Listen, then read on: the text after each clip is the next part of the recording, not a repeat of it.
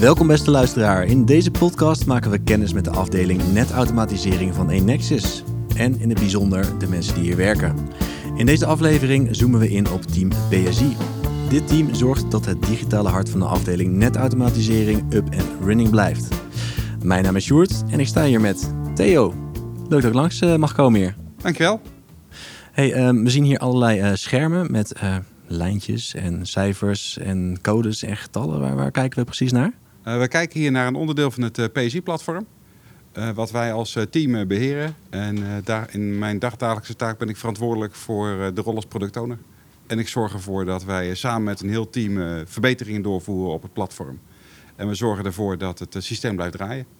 In mijn rol zorg ik ervoor dat we de backlog die we hebben op orde houden, prioriteiten stel en samen met onze stakeholders, dus dat zijn onze klanten, ervoor zorgen dat we de juiste dingen als eerste doen. Mooi. En ik ben nog steeds gefascineerd door die schermen waar we, waar we bij staan. Kun je daar iets over vertellen? Hier rechts bijvoorbeeld zie ik allerlei groene lijnen op een, op een monitor. Wat, wat ja, is dat? Heel kort, gelukkig heb ik ook een heel team van mensen die nog veel meer vanaf weten dan wat ik ervan af weet. Maar dit is het systeem wat wij gebruiken om het energienetwerk, waar Inexus voor verantwoordelijk is, te beheren.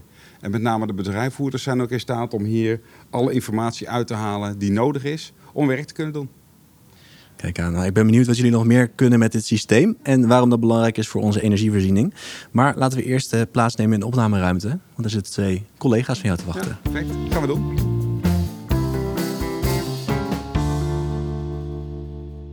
Nou, we zijn inmiddels aangeschoven bij uh, Erik en Nick. Leuk om jullie te spreken. Um, wat doen jullie bij Nexus? Nou, we beheren het uh, PSI-platform.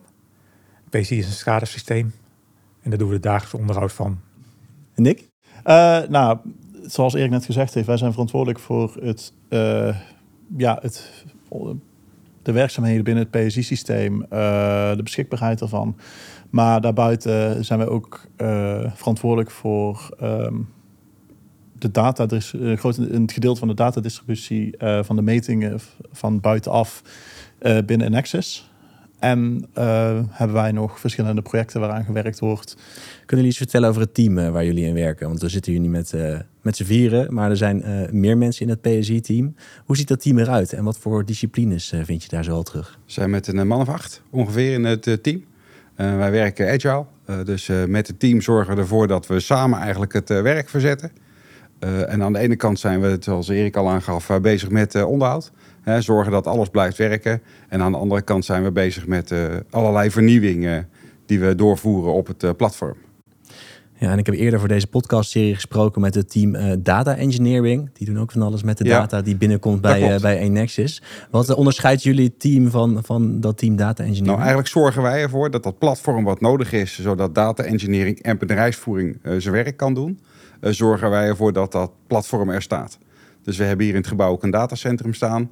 Daar staan een aantal honderd, honderden systemen die wij uh, beheren uh, en ervoor zorgen dat de rest van de organisatie daar zijn werk op kan doen.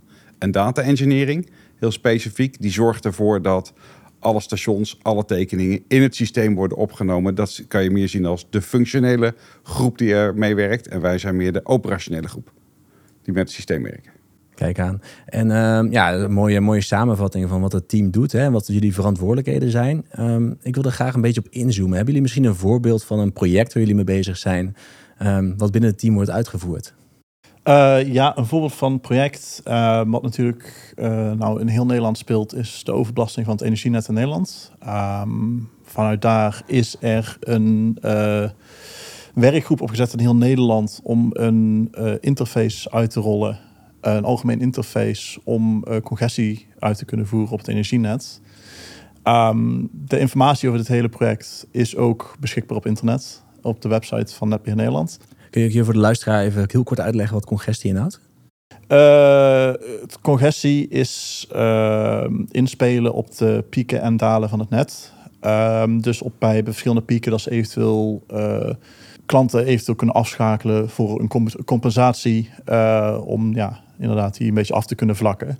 Zodat jij over het algemeen uh, geen uitschieters hebt. Ja, dus het gaat om momenten van veel invoer in het energienet en momenten van weinig invoer. Precies. Ja. Precies. Ja, als je veel zon hebt, dan krijg je ook veel stroom hè, door al die uh, zonneparken die er zijn. Alleen ons netwerk kan niet altijd zeg maar, die, die volledige invoer accepteren. En dan wat we dus graag willen is dat we dat dus als het ware de capaciteit van invoer terugbrengen, zodat ons netwerk niet overbelast wordt. Ja, en Nick, jij werkt aan een project wat daaraan aan raakt, Ik aan het vraagstuk. Inderdaad, aan het project dat eh, Nederlandwijd is opgezet, het real-time interface. Eh, daarbij wordt er vanuit eh, alle netbeheerders in Nederland dus inderdaad het interface ontwikkeld. waar externe partijen eventueel ook op aan kunnen sluiten. Waarbij wij via verschillende protocollen inderdaad mogelijk maken dat wij klanten kunnen afschakelen, maar ook eh, intern goed de data bij kunnen houden. Dat wij inderdaad een, eh, ja, voor het afschakelen en eventuele compensaties die de klant daarvoor moet krijgen. Ja, wat, wat zou er dan bijvoorbeeld afgeschakeld eh, kunnen worden? Nou ja, zoals Theo net zei, eh, als een overbelasting is, dan zou ik kunnen zeggen dat een zonnepark in plaats van dat hij 100% mag terugleveren, gelimiteerd gaat worden op 60%, op 30%, of gewoon in het ergste geval helemaal afgeschakeld kan worden. Ja, dus je kan eigenlijk data en digitale sturing kun je gebruiken om te zeggen van oké, nu even wat minder invoer in het net, want het net kan het niet aan op dit moment. Precies. Ja, Maar dit geeft natuurlijk in Nederland ook de mogelijkheid om, eh, als wij dat goed geregeld is, om meer klanten aan weer aan te kunnen sluiten. Want momenteel, het is recent nog in het nieuws geweest, heel veel klanten eh, staan nu op een wachtrij. En dit zal een traject zijn van meerdere jaren. Maar eh, dit is in ieder geval een hele grote stap in de richting om eh, die wachtrij een heel stuk eh, te verminderen. ja, precies. Want je kan eigenlijk heel slim terugschakelen. Dus je hoeft niet meer te zeggen van ik sluit iets helemaal af bijvoorbeeld, want het net is overbelast. Je kan eigenlijk zien van oké, dit is de situatie en dit is hoe ver het teruggeschroefd moet worden om het weer werkend te Precies, krijgen. Ja, ja. Nou, mooi. Ehm, hebben, hebben jullie nog interessante eh, voorbeelden, voorbeeldjes waar jullie mee bezig zijn? Die laat, laten zien wat, wat, eh, wat jullie team... eh, We hebben een project Visualization. En die maakt voor de monteurs, gaat het eh, in beeld brengen dat zij ook dezelfde gegevens hebben als het bedrijfsvoeringscentrum. Dus dan krijgen ze exact dezelfde plaatjes te zien en de metingen, alles. ja, interessant. Ja. En dit zijn echt specifieke projecten. Oh, sorry, ik eh, onderbrak je. Nou ja, de opdracht is eigenlijk die wij ook meekrijgen, wat heel lastig is, is om personeel te vinden wat je zeg maar kan inzetten om specifiek werk te doen. Dus wat wij nou proberen met ons platform is zeg maar met dezelfde mensen meer werk te verzetten door ze slimme tools te geven of slimme functionaliteit te geven, waardoor ze eigenlijk hun werk op een makkelijke manier kunnen doen. Er zit in ons werk zit nog best veel handwerk. En we zijn echt nu op dit moment met elkaar bezig om dat handwerk te vervangen door slimme automatisering, waardoor we efficiënter ons werk kunnen doen. En hoe, zie- hoe ziet dat er in de praktijk uit? Heb je Nou, daar een eh, voorbeeld Eigenlijk, van? het voorbeeld wat eigenlijk eh, Erik aangeeft is, hè, we hebben dus een stuk eh, eh, visualisatie zoals we dat noemen. Dan kan de, de, de engineer op een station hetzelfde zien als wat bedrijfsvoering ziet. Waardoor ze niet meer met elkaar hoeven te bellen, waardoor ze eh, hetzelfde beeld hebben en ze dus ook sneller eh, eh, een besluit kunnen nemen of eh, beter inzicht hebben om eh, hun werk eh, te kunnen doen. Ja, ze kunnen eigenlijk beter en efficiënter werken. Ja. En onderaan de streep zijn er dus minder mensen nodig Ja. om dat werk, eh, werk te verzetten. Precies. Ja.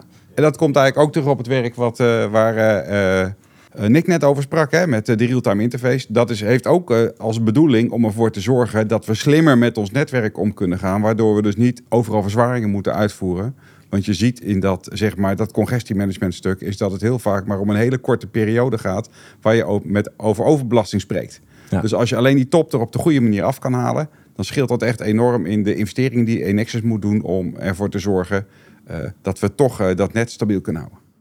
We hebben nu ingezoomd op hele specifieke projecten. Maar hoe zien jullie dagelijkse werkzaamheden er eigenlijk uit bij eh Enexis? Ehm, bijvoorbeeld als je afgelopen week pakt, wat, wat, wat doe je op zo'n afdeling netautomatisering? Ik heb redelijk wat afstemming, eh afstemmingssessies vanwege het interface met externe partijen. Ehm, ook interne afdelingen om dingen geregeld te krijgen. Maar daarentegen ehm, hebben wij natuurlijk ook het systeem draaiend te houden. Ehm, dus wij krijgen regelmatig verzoeken binnen van oftewel bedrijfsvoering, van IT. maar dat kunnen ook andere afdelingen binnen Nexus zijn eh, die om specifieke data vragen, met problemen zitten binnen ons domein wat opgelost moet worden. Ehm, daar zit dan natuurlijk wel criteria aan van de, eh, ja, de ernst, hoe snel het opgelost moet worden. Ehm, maar ja, het kan best zijn dat à la minuut iets omvalt en dan moet je eigenlijk wel alles laten vallen en dan moet het gewoon zo snel mogelijk weer werken. Ja, is dat veel veranderd eh, in de loop der jaren? Hoe jullie je werk eruit ziet hier? Nee, op zich niet. Het is altijd gewoon de systemen draaiend houden, dat is prioriteit één. Ja, maar de context verandert wel. Maar je ziet wel dat het steeds meer wordt. Hè? Ja, Want, steeds meer apparatuur, steeds meer onderdelen. Maar Ja. Het blijft draaiend houden. Ja. Om even wat formaat aan te geven, zeg maar. Je moet eh, bedenken dat in ons datacenter gaf ik al aan enkele honderden servercomponenten staan die we beheren. Maar daarnaast eh, hebben we ook verbinding met een aantal duizenden systemen buiten in allerlei stations. Waar we informatie eh, van eh, ontvangen, maar waar we ook verantwoordelijk zijn. Op het moment dat zo'n station niet meer reageert, dan zullen wij ook de buitenploeg aan moeten sturen. In die zin, want wij constateren dat, dat de mensen buiten ook een probleem gaan oplossen. Want wij hebben ook die centrale zeg maar, beheersfunctie eh, uit te voeren. En wat, wat zien jullie als de grote uitdagingen voor de nabije toekomst in jullie werk? Wat, wat zien jullie voor ontwikkelingen? Nou ja, wat je ziet is dat we natuurlijk steeds meer klanten krijgen. Dus zeker, zeker voorheen hadden wij één klant, eh, dat was bedrijfsvoering. En tegenwoordig leveren heel Enexis data. Eh, de vraag naar data is veel belangrijker dan vroeger geworden. Eh, zeker ook als we nog even terugkrijpen op dat hele stuk van congestiemanagement. Dat vraagt veel meer om veel meer, zeg maar, snellere levering van data. De hoeveelheid van data moet toenemen. Want op basis daarvan bepalen wij eigenlijk, althans bepaalt bedrijfsvoering, wat er moet gebeuren. Dus het is aan ons steeds belangrijker om ervoor te zorgen dat ook die datastroom op orde is. En dat we dat op een goede manier blijven leveren. Ja, ik denk dat jullie geen eh, dag hoeven te vervelen hier eh, in het werk. Klopt dat? Nee. Eh, dat zeker niet. Er komt altijd eh, wel weer iets nieuws op je pad. En eh, je kan eigenlijk geen enkele dag hetzelfde noemen. Ehm, en eh, ja, dat, het is een beetje onvoorspelbaar, maar dat brengt ook leuke dingen met zich mee. En ja, je leert er heel veel van. Ja, je, weet, je weet niet s ochtends, s ochtends wat je sa- s middags gaat doen. Nee. Wat, wat vind je daarvan? Dat vind ik leuk. Dat is, eh houdt de uitdaging hoog. Ja, een dynamische, dynamische Ja. afdeling Ja. in die zin. Ja. Ja. Nee, en ook gewoon met hele leuke technologische uitdagingen ben je bezig. Hè, gewoon echt eh, real-time interface of visualisatie. Dat vraagt ook echt wat van de techniek. En je wordt, moet ook geacht om na te denken om daar een slimme oplossing voor te bedenken. Het gaat vaak over grote aantallen. En grote aantallen werkt toch een beetje anders dan als je zegt: Oké, ik heb maar een klein dingetje nodig. Dus je moet ook denken in de toekomst eh, dat je het ook blijvend eh, in, in de benen kan houden. Ja. Het, eh, het gaat echt ergens om. Ja, Kijk, nou, dat lijkt me een mooie afsluiter voor dit gesprek. Ehm, Erik, Theo en ik, bedankt voor jullie verhaal. En beste luisteraar, bedankt voor het luisteren. Ben je nieuwsgierig geworden? Kijk dan voor meer informatie op www.werkenbijenexis.nl